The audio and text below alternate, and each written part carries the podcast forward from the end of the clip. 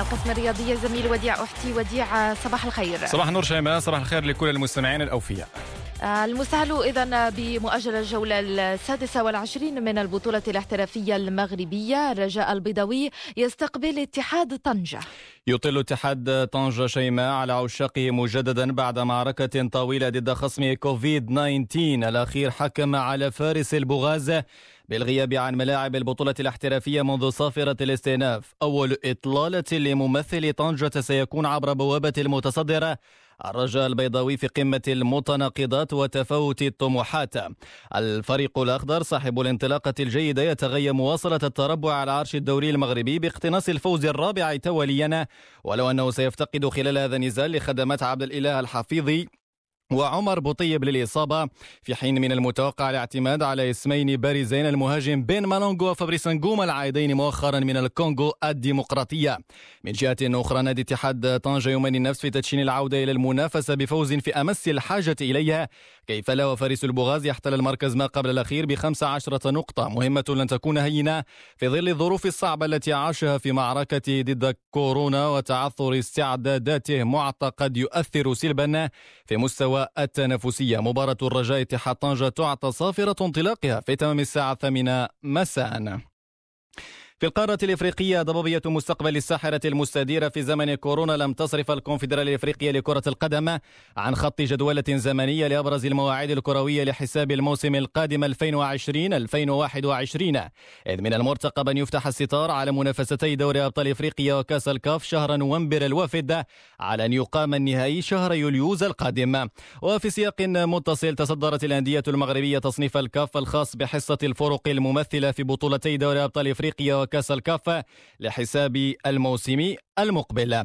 مغربيا دائما هذه المرة في الجزائر مولودية وهران يتعاقد رسميا أمس مع المدرب الفرنسي بيرنار كازوني للإشراف على العارضة التقنية للنادي وذلك خلفا لمشري بشيرة ومن المرتقب أن يصل كازوني إلى الجزائر بعد استئناف الرحلات الجوية لتقديمه بصفة رسمية. نذكر أن ممثل وهران أنهى الموسم المنصرم الذي توقف رسميا بسبب فيروس كورونا في الصف الخامس. صفحة كرة القدم الأوروبية نستهلها من إسبانيا كما كان منتظرا اللاعب الكرواتي إيفان راكيتيتش يعود رسميا إلى بيته السابق إشبيليا قادما من برشلونة بعد ست سنوات من العطاء في البيت الكتالونية.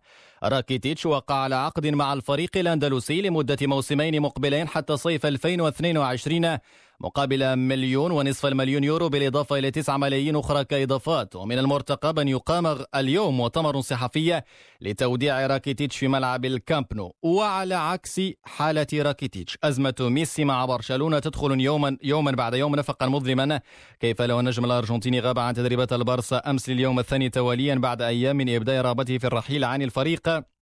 وبهذه الخطوة بات ميسي معرضا لعقوبات من قبل ناديه بعد أن تغيب للمرة الثالثة دون عذر وهو ما يشكل انتهاكا لبنود عقده.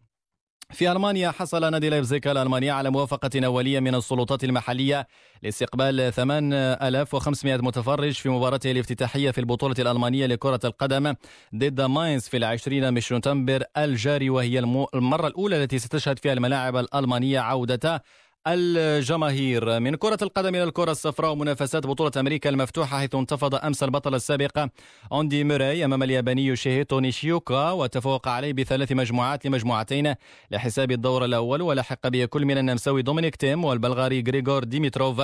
ولدى السيدات المخضرمة سيرينا ويليامز تأهلت إلى الدور الثاني بفوزها على كريستي آن ذات المراد حققته التونسية أنس جابر بفوزها على البولندية كاتارزينا كاوا. نختم جولتنا الرياضية من عوالم الدراجات الهوائية وطواف فرنسا الدولي حيث انتزع أمس السلوفيني بريموز روغليتش المركز الأول في المرحلة الرابعة فيما حافظ الفرنسي جوليان ألا فيليب على القميص الأصفر لصاحب صدارة الترتيب العام. بهذا مستمعينا الكرام نكون قد بلغنا آخر محطات عدد اليوم من صباح الرياضة.